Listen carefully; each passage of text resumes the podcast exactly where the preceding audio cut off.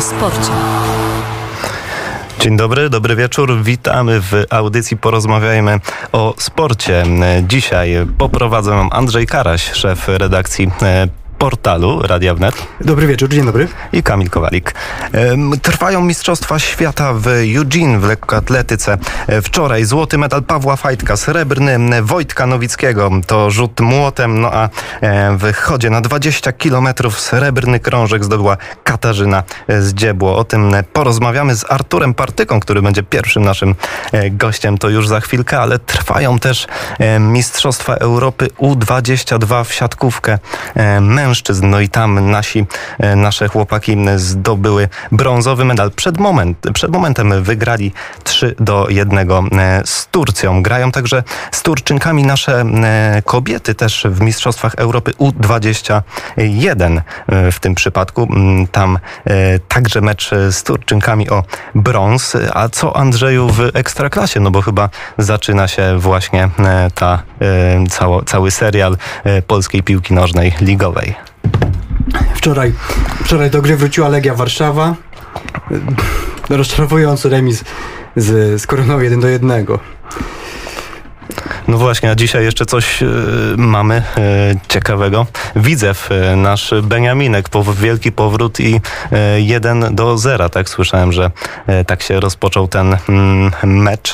Widzew z Pogonią, tak? Widzew gra z Pogonią, jest 1 do 1, minuta 70, także jeszcze nie wiemy, kto zwycięsko rozpocznie sezon w Szczecinie. Czy, czy pogo, portowcy, czy widzewiacy. No właśnie, ale co to wszystko znaczy przy tym, co się dzieje na linii Bayern-Barcelona. Robert Lewandowski wszystko na to wskazuje, że zagra w Barcelonie. No już mm, to są raczej tylko formalności. Mm, e, nasz e, napastnik leci albo już doleciał na Florydę do Miami, gdzie przejdzie testy medyczne. Potem podpisze kontrakt z FC Barceloną. Tam Barca rozegra mecze sparingowe. O tym e, porozmawiamy z Maciejem Dobkiem, prowadzącym stronę Miasto Moje, a w nim stronę o Legii e, Warszawa. A naszym ostatnim gościem, trzecim, będzie Janusz Uznański, który e, jest dyrektorem operacyjnym Polskiego Związku Piłki Siatkowej. E, pan Janusz przebywa w Tarnowie, gdzie właśnie nasi młodzi siatkarze zdobyli brązowy medal Mistrzostw Europy do lat 22. No dobrze, to powoli przenosimy się do Stanów Zjednoczonych, do tych tematów lekkoatletycznych. Będziemy się łączyć z naszym skoczkiem wzwyż, medalistą olimpijskim z Barcelony, z Atlanty, Arturem Partyką. No to coś z tamtych e, stron e, utwór w e, utwór o, o Virginii, czyli John Denver i Take Me Home Country Roads. John Denver zaśpiewał o zachodniej Virginii, a my się przenosimy do stanu Oregonem. Tam trwają Mistrzostwa Świata y, z, w Eugene. Porozmawiamy o tych mistrzostwach, o tych wydarzeniach z Arturem Partyką, skoczkiem wzwyż, brązowym medalistą olimpijskich z, ba z Barcelony, srebrnym z Atlanty. Dzień dobry, panie Arturze.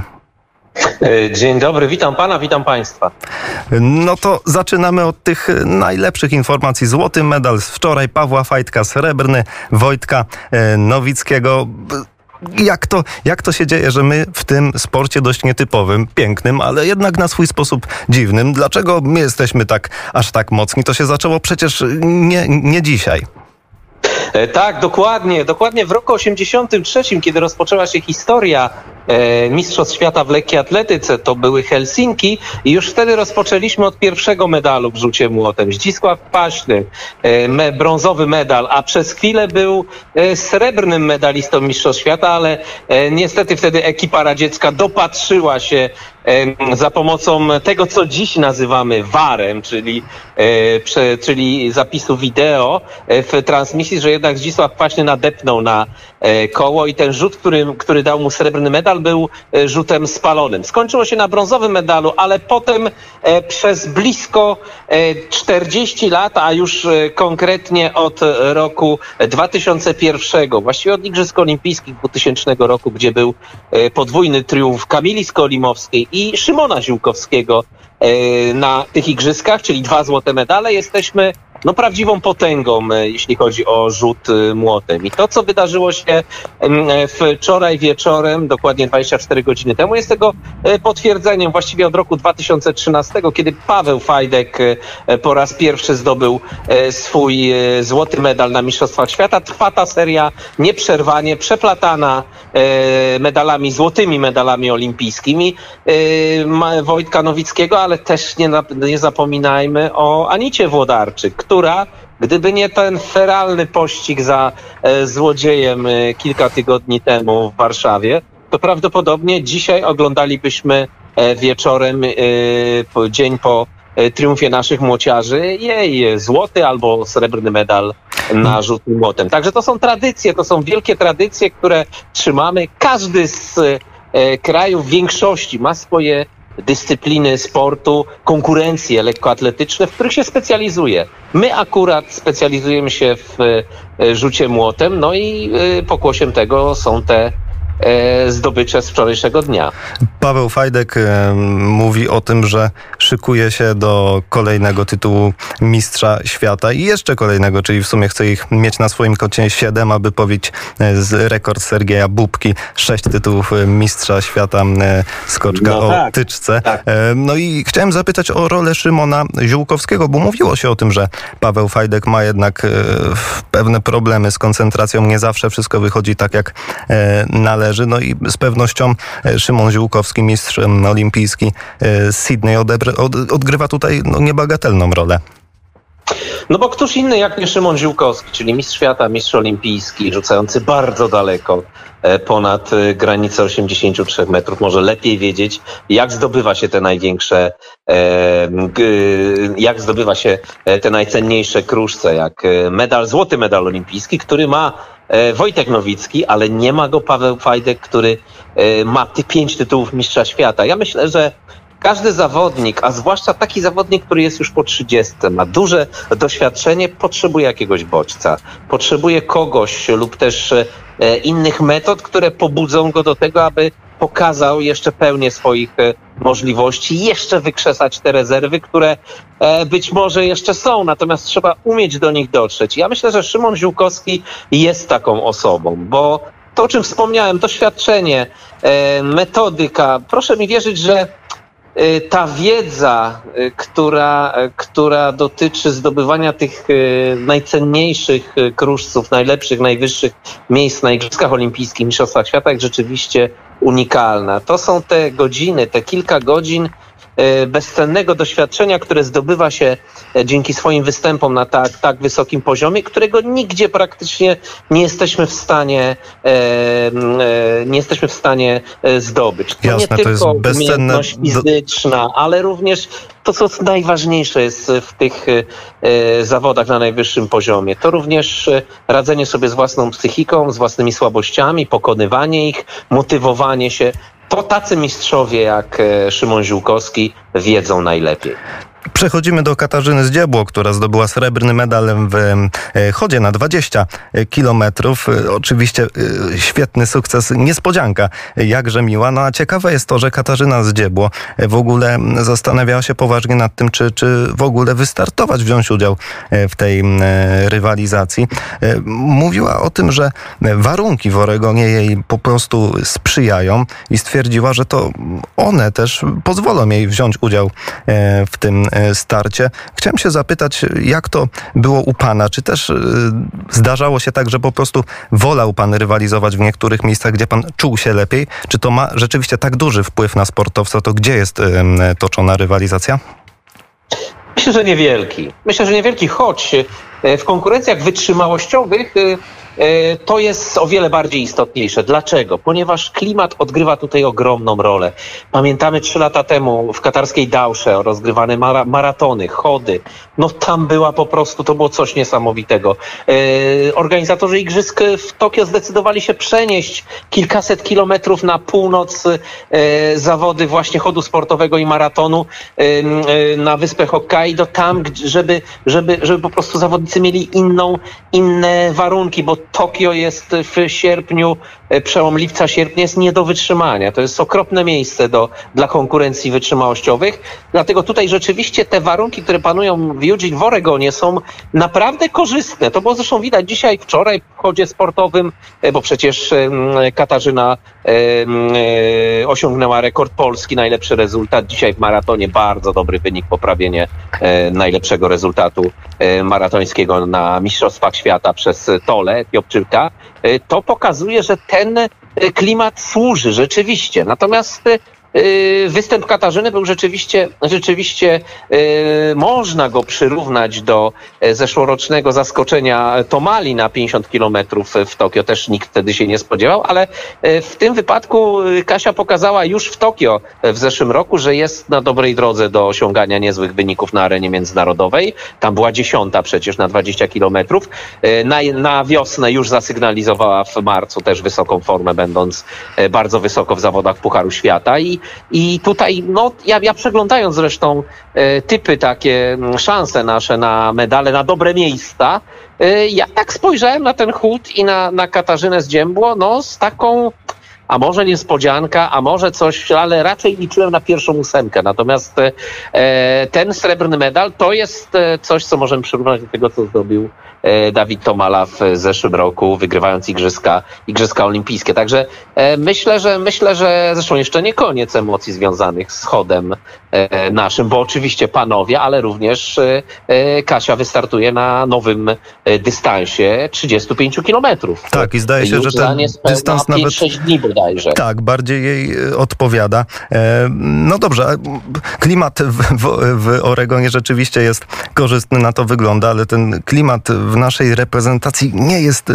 idealny, zdaje się, przez te wydarzenia w, w, w, w sztabie biegów, z uwagi na te wydarzenia z Anną Kiełbasińską i tą decyzję, o której rzekomo nasz sztab szkoleniowy dowiedział się bardzo późno o decyzji o tym, że będzie można dokonać tylko jednej zmiany w e, sztafecie mieszanej. Czy to jest rzeczywiście możliwe? Jak, jak, jak pan to widzi? To jest, no, wydaje się to z punktu widzenia kibica coś zaskakującego, że tak późno sztab dowiaduje się o takiej rzeczy.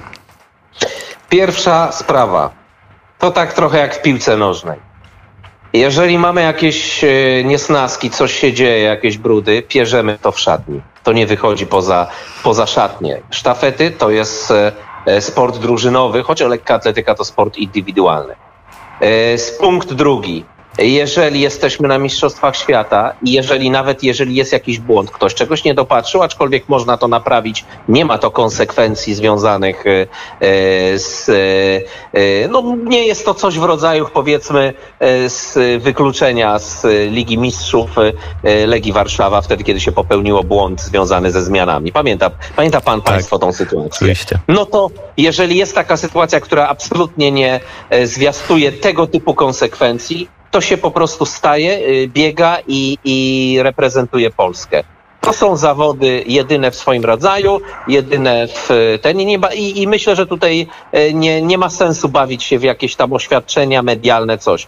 Własne błędy, własne brudy, własne wątpliwości w sporcie takim, jakim są sztafety, pierzemy, y, wyjaśniamy w swoim gronie. I absolutnie, jeżeli nawet był taki błąd, zostawiamy to po mistrzostwach na mistrzostwach. Jesteśmy raz na rok. Pracuje na, na, na, na tę grupę, na ten wynik sztafet e, kilkanaście osób, jeśli nie kilkadziesiąt i jedziemy wszyscy na jednym wózku.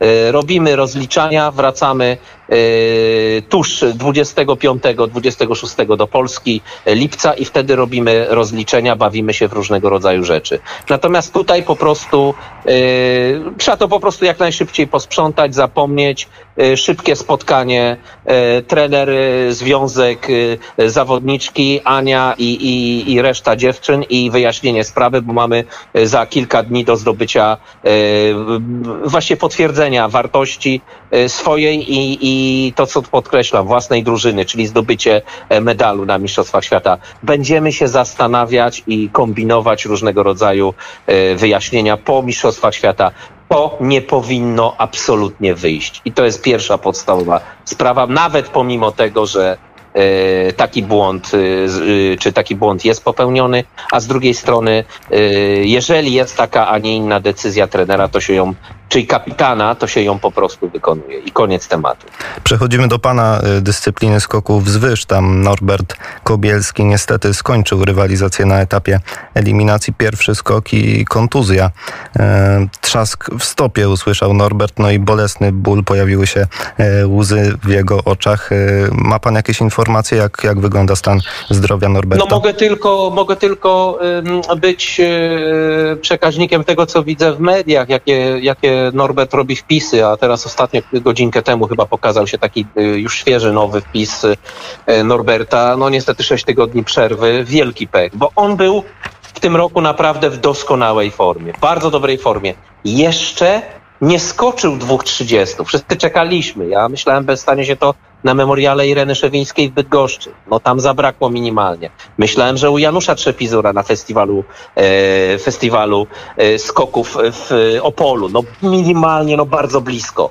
Ale czułem to. Myślę, że też wszyscy opiekunowie, e, czy też e, osoby, które, które są na co dzień z, Robertu, e, z Norbertem, czuły, że on jest w, naprawdę w bardzo dobrej formie. On to zresztą powiedział, potwierdził, że, że jechał do Eugene e, naprawdę z chęcią walki o medal medal, bo w tym roku naprawdę skok wzwyż no, jest, no, mamy, mamy y, jutro finał, a najlepszy wynik w tym roku jest bodajże 2,34, 2,35. No to no, no, no dawno tak nie było. A Norbert przy poprowadzeniu dobrze konkursu, przy dobrej przy, dobrym, przy dobrych skokach mógł nie skoczyć 2,30, a mógł skoczyć 2,32, 2,33. No niezwykle tego szkoda. Te... Taki konkurs, ja jestem przekonany, że to nie byłby konkurs, że on pokonuje 2,30, on by skoczył mhm. wyżej. On by skoczył w takim konkursie, jeżeli jest w formie, on by skoczył 2,32, 2,33 minimum. No i niestety Natomiast na razie mówię, tylko te podia w mitingach e, Diamentowej Ligi to jest... A no właśnie, fajnie zaczął, dobrze zaczął, skutecznie zaczął. E, był w trójce e, właśnie w, w trakcie mitingów Diamentowej Ligi. Naprawdę wyglądało to bardzo dobrze, ale teraz no cóż, no stało się kolejne doświadczenie, bolesne, zaleczyć to, bo to młody chłopak i, i przecież Mistrzostwa Świata, w tej chwili nadrabiamy ten e, pandemiczny e, czas, przecież Mistrzostwa Świata są za rok, także szybko się wyleczyć, dobrze tutaj e, w, zrehabilitować i październik, listopad ruszyć do pracy i w ciągu niespełna 18 miesięcy ma dwie wielkie imprezy, bo Igrzyska Olimpijskie, e, Igrzyska Olimpijskie i Mistrzostwa Świata w Budapeszcie, także tutaj spokojnie, tu nic się nie stało, to jest cały czas młody chłopak, e, niewyeksploatowany, E, ja, ja swoje najlepsze lata zaczynałem od 26 e, roku życia, także Norbert w przyszłym roku wejdzie w ten najlepszy czas dla skoczka wzwyż i będzie miał co najmniej 4 lata na to, aby, aby pokazać na co go stać, a jestem przekonany, że stać go na e, wyniki grubo ponad 2,30. To trzymamy pana za słowo i jeszcze chwilkę Oczywiście, o faworytach. To, to, to jest kwestia po prostu szczęścia zdrowia. Jeżeli to zdrowie będzie, to, to jestem przekonany, bo to widać po Norbercie, że to jest tylko kwestia zawodów, pokazania zawodach swoich możliwości. To 2,30 to wcale nie jest bariera. Myślę, że w dobrej formie, w takiej jakiej był w e, Eugene, e, to dla niego barierą byłoby 2,33, 2,34. Jeden z faworytów e, skoków z Gianmarco Tamberi z Włoch też miał problemy w eliminacjach. Dopiero w trzeciej próbie zdołał awansować do finału. Kogo pan upatruje w roli złotego medalisty? No, y, Gianmarco mm, to ciężki czas dla niego po igrzyskach. Zresztą często się zdarza, że po igrzyskach olimpijskich, po E, właściwie takim zakończeniu pewnego cyklu, długiego cyklu e, przygotowań, no zdarzają się takie słabsze lata. Spada, spada po prostu pewna motywacja, spada pewne, e, również organizm jest tak wyeksploatowany, że ciężko już jest podwyższyć obciążenia, czy też wymagać czegoś więcej. Gianmarco kilka tygodni przed Mistrzostwami Świata rozstał się ze swoim trenerem, z ojcem, E, zresztą też wcześniej, e, wcześniej skoczkiem z rywalizującym z Jackiem Szołą. E, często o tym wspominały, komentując wspólnie w Polsacie Sport meetingi Diamentowej Ligi, że właśnie Jacek z tatą rywalizował. On się rozstał z ojcem. To też, też nie, nie sprzyja temu, żeby osiągać wyniki. On też bardzo często trenuje wspólnie z Mutazem i Sombarsimem. Także ta przyjaźń, która, która się manifestowała w zeszłym roku tym E, wspólnym złotym medalem. To nie jest tylko przyjaźń stadionowa, ale oni są rzeczywiście bardzo blisko od y, kilku lat związani, ćwiczą razem. E, i myślę, że Gianmarco będzie miał, e, będzie miał e, bardzo duże problemy w finale, choć tak jak pan mówi, te trzecie próby w eliminacjach. Ten ostatni skok często jest, może być taką motywacją. Ja e, wracam do swoich e, eliminacji z Igrzysk Olimpijskich, no i w Barcelonie też jako ostatni w trzeciej próbie skacząc 2.26 wszedłem do finału, a tam się też mało co nie skończyło wygraniem Igrzysk Olimpijskich, ale ja myślę, że Gian, Gianmarco nie jest w tym roku w takiej formie. Zresztą świadczy o tym fakt, że on chyba ledwo raz ledwo skoczył 2,30 m, to zawodnik, który skakał regularnie w okolicach 2 metrów 40. Kto będzie faworytem? Koreańczyk W, który doskonale rozpracował wszystkich na Mistrzostwach Świata, halowych Mistrzostwach Świata w Belgradzie, wygrywając e, te zawody. On jest w doskonałej dyspozycji, ale, ale właśnie wrócił ten stary mistrz mm, mutacji Sabarsim, który nam się pokazał tylko na mitingu w katarskiej Dausze na początku maja, skacząc tam 2.30, potem uraz, kontuzja, ale oglądając jego skoki w eliminacjach, e, mogę być pewny, że wrócił ten e, mutas, którego pamiętamy chociażby sprzed trzech lat e, z katarskiej dałki, czy też z zeszłego roku. To Może dziękujemy bardzo za tą prognozę. Powoli musimy, ale 2,35 tak. musimy kończyć, a jeszcze wróćmy na chwilę do Barcelony, o której pan e, przed chwilą mówił. Podczas igrzysk w 92 roku zdążył pan, dał pan radę wybrać się na Camp Nou?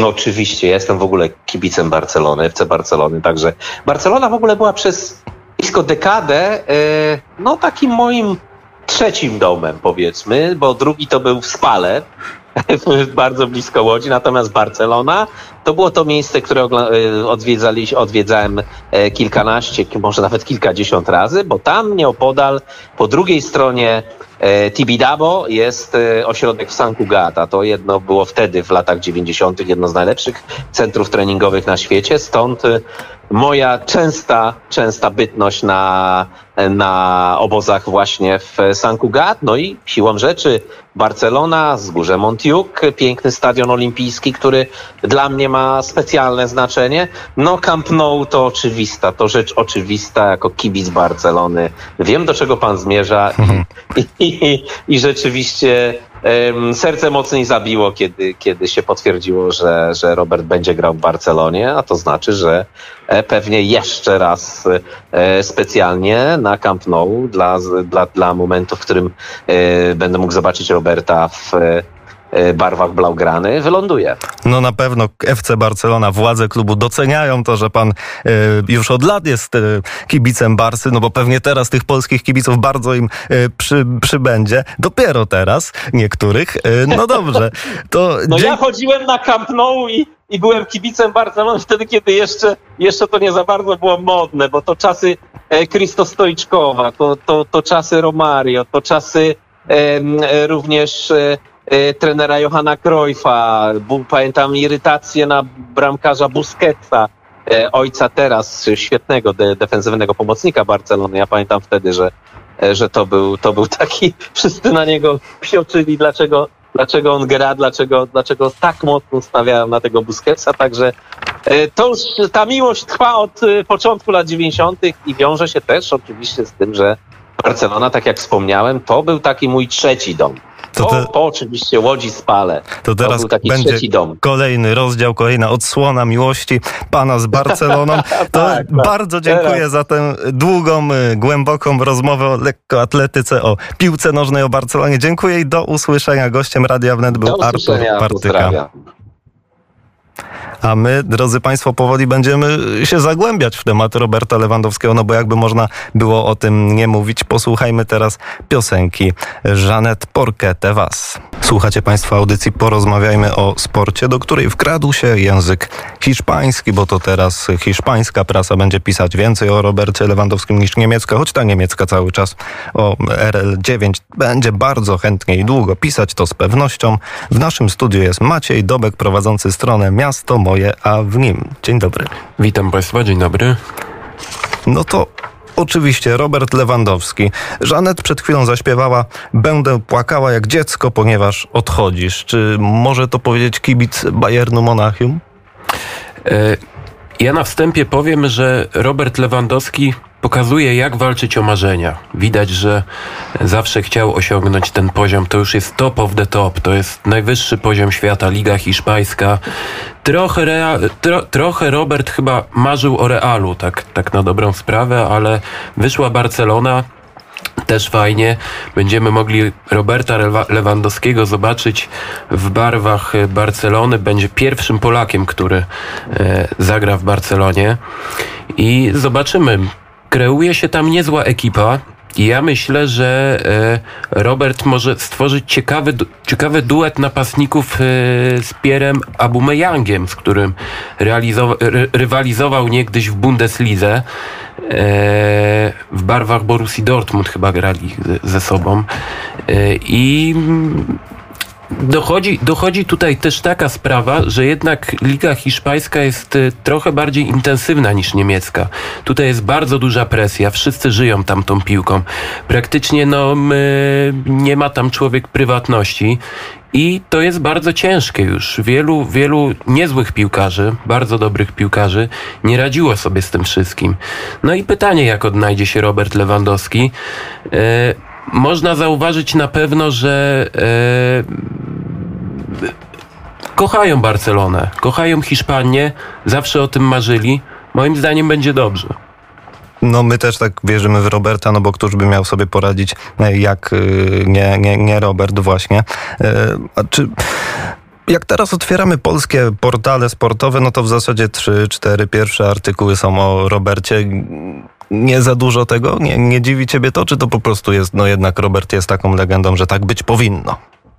No ja, ja bym powiedział, że my to już obserwujemy od dobrych kilku sezonów i, i, i tutaj e, póki co trochę to szło tak w stronę plotek. Niekiedy było to już męczące, e, ponieważ no, my, my rozmawiało się o tym rozmawiało, a konkretów, że tak powiem, nie było.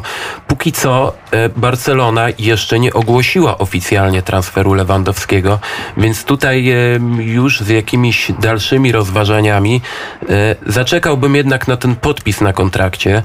E, wiemy, że Robert poleciał do Stanów, gdzie przebywa obecnie e, drużyna Barcelony e, jest na turnę po Stanach Zjednoczonych i, i, i tam, z tego co wiem, Robert przyjdzie testy medyczne.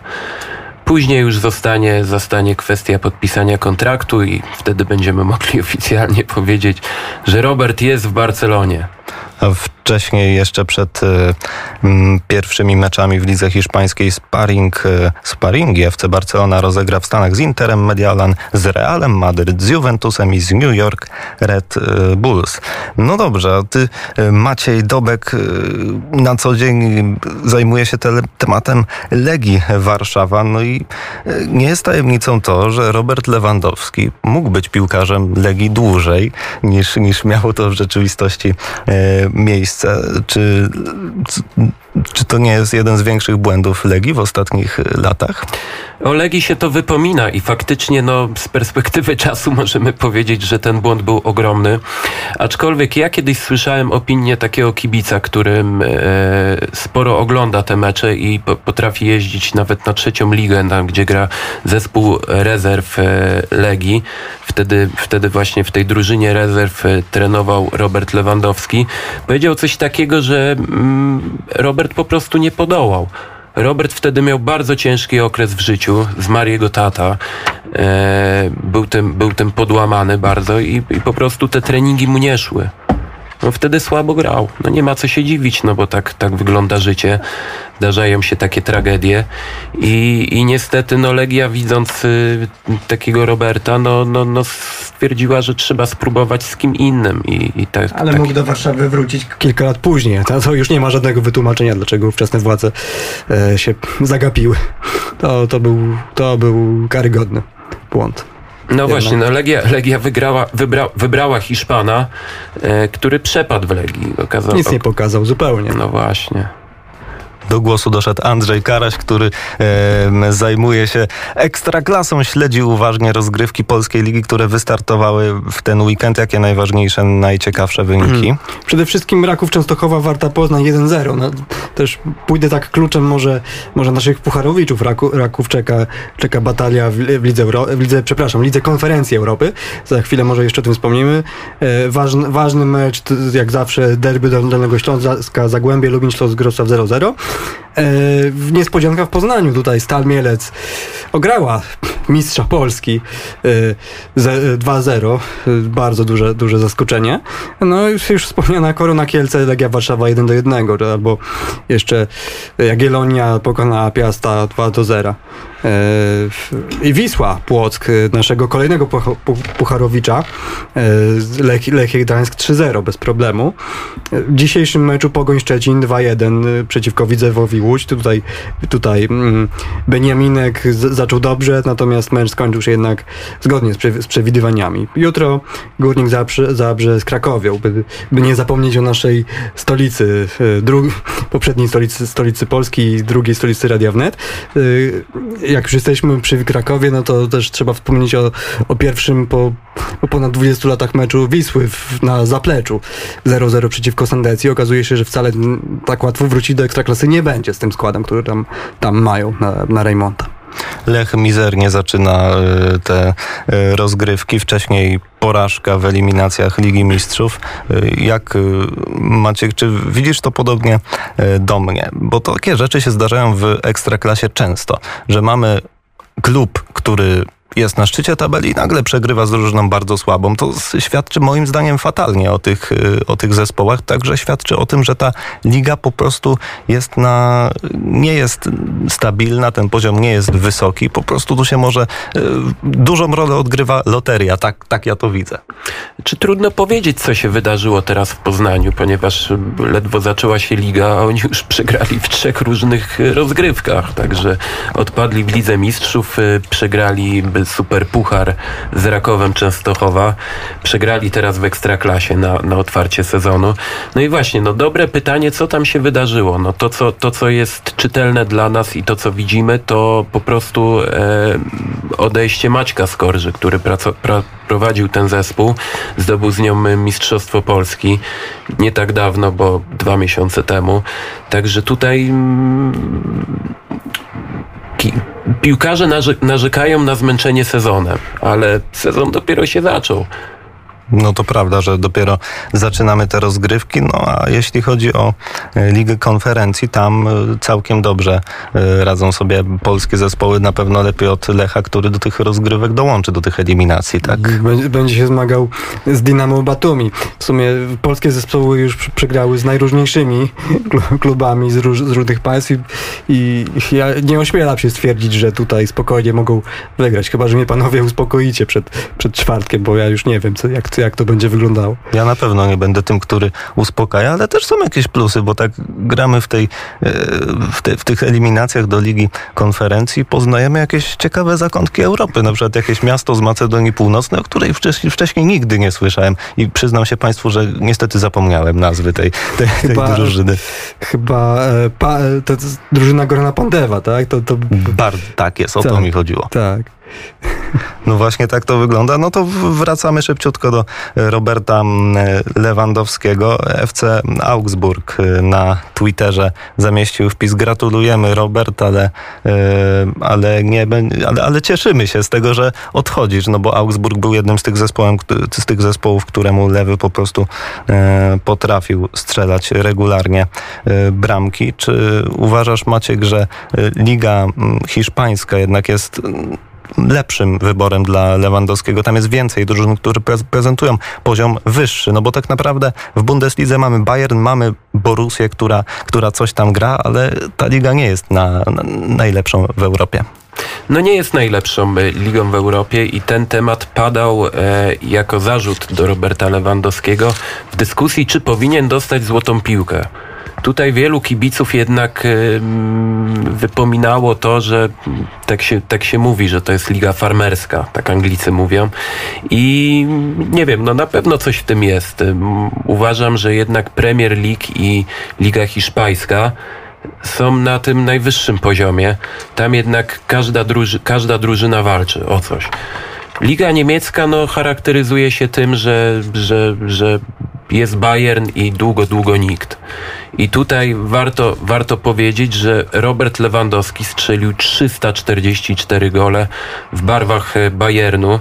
Jest to ogromna liczba i tutaj my, no, będą miały władze Bayernu zagawostkę, żeby kimś zastąpić Roberta. Nie będzie łatwo. Sadio Mane dołącza do y, Bayernu. Y, czy Bayern rzeczywiście nie będzie już tym samym klubem? Sadio Mane nie jest typowy snajper, jest to zawodnik, owszem, bardzo dobrze wy, potrafi, potrafi wykończyć akcję, jednak, jednak y, myślę, że on lepiej się czuje jako, jako taka dziesiątka i tutaj z Thomasem Millerem mogą, jestem ciekaw, jak, jak to rozwiążą, e, który przejmie te stery. No tak, bo Miller był najczęściej tym, który e, podawał do, do Lewandowskiego, tak właśnie, a teraz ktoś musi te e, piłki kończyć. No to tak skaczemy po tematach, ale pewnie nie będzie nudno, a widzowie się nie obrażą, jak wrócimy do ekstraklasy i powiemy co nieco o Widzewie, który wraca do e, ligi, ta jedna z bardziej utytułowanych polskich drużyn. Powalczy o coś więcej Widzew w tym roku? Maciej Dobek. E, widać, że tam wiele rzeczy się układa w Widzewie. Zbudowano fajny stadion. Widzew z roku na rok bije rekordy sprzedaży karnetów i tam chyba e, praktycznie cały stadion się wyprzedał. Chyba tylko 2000 kibiców, 2000 y, biletów trafiło do, do kibiców w takiej normalnej, otwartej sprzedaży. Sportowo też to wygląda coraz lepiej. E, w końcu udało się awansować e, do wyśnionej ekstraklasy, której no długo nie mieli. I, I ja stawiam, że powalczą, ale raczej póki co, krok po kroku, górna ósemka będzie, myślę, zadowalająca. E, czy coś więcej? Chyba nie. Ma twoja Legia górną ósemką, ósmym, siódmym miejscem zadowolić się nie może, no jak przystało na klub y, stołeczny. Jak y, widzisz jej szansę? No ja, ja mam cichą nadzieję jednak, że, że sezon będzie lepszy niż y, zeszłoroczny, kiedy no Legia prawie spadła z ligi. Tutaj no, widać, że buduje się, drużyn, buduje się drużyna, buduje się jakaś ekipa, z tym, że no, to, to jest długotrwały proces. Trener Legii powiedział, że potrzebne są trzy lata trzy lata, żeby ten projekt wypalił. I po prostu no, okaże się teraz, czy, czy, czy prezes ma wystarczającą cierpliwość, żeby dać tyle czasu trenerowi. Tak, i to są trzy lata pracy, czyli trzeba zacząć już teraz. Czy widzisz te kroki podejmowane? One rzeczywiście jest coś robione w tym kierunku? Trochę to poukładali, trochę, trochę mm, z takiego pionu organizacyjnego, e, trochę wzięli to w swoje ręce po prostu legioniści, ludzie, którzy grali w tym klubie, Jacek Zieliński, Arek Malarz i mam nadzieję, że oni wiedzą, jak stworzyć drużynę. Póki co Legia była takim zbiorem różnych projektów portugalskich, bałkańskich i, i, to nie funkcjonowało. Ci ludzie się nie lubili, ci ludzie się kłócili. To po prostu nie była drużyna. Teraz, teraz trochę to poukładali. Widać, że y, już stworzył się jakiś team spirit i, i, i, i, póki co gra jeszcze jest, y, no, pozostawia wiele do życzenia, ale, ale to z czasem przyjdzie. To z czasem przyjdzie. Mówił Maciej Dobek ze strony Miasto Moje, a w nim prowadzący tę stronę Olegia, e, Olegii Warszawa. Dziękuję Maćku. To ja dziękuję. A my opuszczamy tematy piłkarskie zdominowane jednak przez Roberta Lewandowskiego i posłuchamy e, piosenki, którą zaserwuje nasz, nam nasz realizator Michał Tęsny. Godzinę temu nasi siatkarze w rozgrywkach Mistrzostw Europy do lat 22 zdobyli brązowy medal, pokonując reprezentację Turcji. Działo się to wszystko w Tarnowie, w którym jest nasz gość Janusz Uznański, dyrektor operacyjny Polskiego Związku Piłki Siatkowej. Dobry wieczór. Witam serdecznie, dobry wieczór. Widział pan ten mecz, był pan e, na hali. Jak wrażenia? E, na pewno bardzo cieszy sukces tej grupy zawodników. Oni są brązowymi medalistami również Mistrzostw Świata sprzed roku w tej kategorii młodszej do lat 21. I teraz potwierdzili, że zarówno na świecie, jak i w Europie należą do tej ścisłej czołówki. A byłoby trochę szkoda i tych zawodników, i sztabu szkoleniowego, by przed własną, fantastyczną tarnowską publicznością nie zakończyli swojej młodzieżowej kariery, bo to już ich ostatni turniej młodzieżowy, bez medalu, więc e, no, ta radość jest taka zdwojona, zwielokrotniona. Przede wszystkim e, dla tej grupy zawodników to na pewno medal, który będzie znakomitą motywacją na przyszłość. I mam wrażenie, że przynajmniej z kilku z nich będziemy mieli jeszcze pociechę przez wiele, wiele lat w reprezentacji seniorskiej. No my tak ostatnio właśnie podkreślamy, że w tej reprezentacji seniorskiej selekcjoner Nikola Grbicz ma niezwykle szeroki wachlarz możliwości, jeśli chodzi o nazwiska siatkarzy, których może wystawić na, na, na, na mecze reprezentacyjne. No ale zdaje się, że już jest te zaplecze. To są siatkarze, którzy, którym niewiele brakuje y, jakości do tego, aby zagrać w e, lidze w rozgrywkach e, seniorskich. E, uważa pan, że rzeczywiście to są z tych, wśród tych zawodników są przyszli mistrzowie świata, przyszli mistrzowie olimpijscy może, no bo na ten tytuł czekamy. Rozmawiałem tutaj w Tarnowie z kilkoma ekspertami, którzy powiedzieli, że z jednej strony atutem tej drużyny Daniela Plińskiego, tej drużyny lat 22 jest to, że jest kilku talentowanych siatkarzy, ale jednocześnie zauważyli, że ta konkurencja w rozgrywkach e, naszej e, plus ligi, jak i konkurencja w reprezentacji jest tak duża, że e, przeciętność nie jest gratyfikowana. Trzeba być zawodnikiem wybitnym naprawdę, aby do reprezentacji seniorskiej dostać paszport, że tak nazwie, a również, żeby dostać certyfikat na grę w Plus Lidze, więc to jest e, bardzo budujące, że mamy tak e, znakomitą grupę zawodników, nie tylko w pierwszej reprezentacji, ale również zawodników z tego zaplecza, e, spośród zawodników młodych, rokujących, ale to będzie od nich wymagało naprawdę ciężkiej pracy, systematyczności, cierpliwości, a w sporcie, a szczególnie w siatkówce, cierpliwość jest no, cechą nieodzowną do tego, aby osiągać sukcesy właśnie na Mistrzostwach Świata czy na turniejach olimpijskich. Zaskakuje pewnie jakość gry naszego zespołu. Jak się ogląda mecze Starnowa, widać mm, wypełnioną po brzegi e, halę. E, co sprawia, że, że siatkówka cieszy się takim powodzeniem w Polsce? Próbuję czasami znaleźć odpowiedź na to pytanie i wydaje się, że przede wszystkim udało nam się e, stworzyć cały katalog niezbędnych elementów do odnoszenia sukcesów. Polska publiczność oczekuje od siatkarzy, od siatkarek również sukcesów i my staramy się te sukcesy regularnie tym naszym fantastycznym kibicom gwarantować. Nie zawsze jest to oczywiście miejsce na najwyższym stopniu podium, ale dla nas kluczowym jest zasada, aby grać do ostatniego dnia turnieju. Więc mam wrażenie, że przynajmniej w tych turniejach w Polsce zawsze gwarantujemy e, naszym e, fanom to, że będą mogli uczestniczyć od początku do końca w wielkim siatkarskim, wielkim sportowym święcie, które będzie wieńczyć e, radość ze zdobycia medalu. I tak się stało w Tarnowie.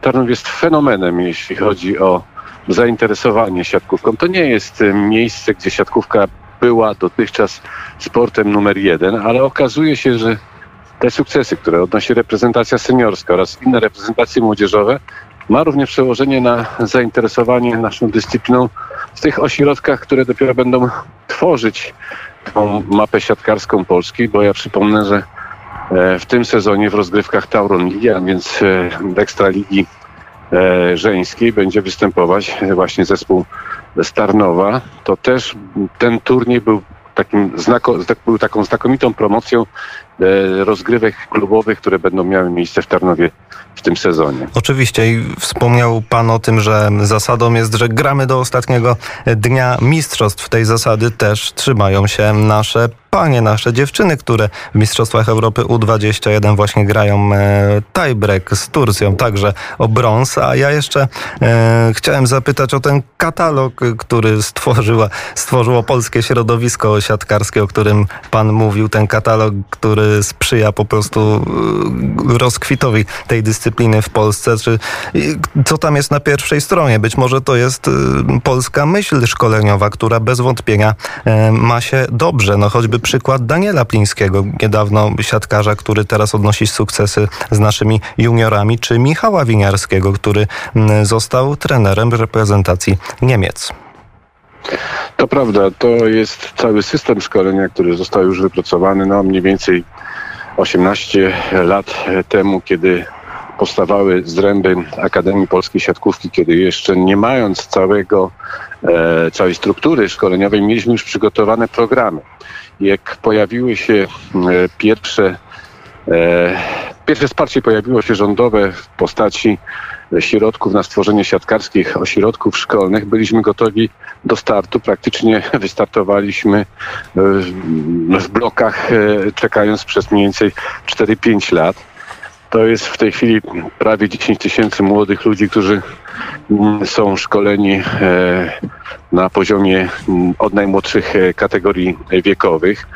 Potem zwieńczeniem tego systemu są szkoły mistrzostwa sportowego. Pojawiło się tylko, y, pojawiło się również kilka ośrodków e, szkolenia poza szkołami mistrzostwa sportowego, jak, jak chociażby Akademia Talentu Jastrzębskiego Węgla. Znakomita praca jest wykonywana również w ramach Trefla Gdańsk i kilku innych ośrodków. Nie chciałbym tutaj nikogo pominąć, więc może poprzestanę na tym. I ten napływ, e, że tak powiem, świeżej krwi do rozgrywek e, już profesjonalnych jest naprawdę bardzo szeroki. Bardzo jest, y, użyję niezgrabnego słowa, e, spenetrowane e, środowisko wysokich dziewcząt i chłopców, więc my mamy ten scouting bardzo mocno rozwinięty i cały czas też pracujemy nad tym, aby podnosić kwalifikacje polskich trenerów, którzy w tej chwili, jak widać przykład Michała Winiarskiego czy wspomnianego Daniela Plińskiego, są gotowi do wyzwań na najwyższym poziomie i z tymi wyzwaniami sobie radzą doskonale. Terminowali też u wybitnych trenerów i no, umieli, że tak powiem, wyciągnąć koncentrat z tej swojej kariery zawodniczej i w tej chwili znakomicie zapowiadają się póki co, bo poprzednimi mam nadzieję najlepsze lata, na wybitnych szkoleniowców. No właśnie, także życzymy e, im powodzenia w dalszych etapach e, kariery, a od w środę rusza finał, ruszają finały Ligi Narodów e, Seniorów. Kto pojedzie wśród seniorów? Jaki będzie skład drużyny Nikola, Nikoli Grbicza? To jest początek naszej rozmowy. E, ogromny ból trenera Nikoli Grybicza.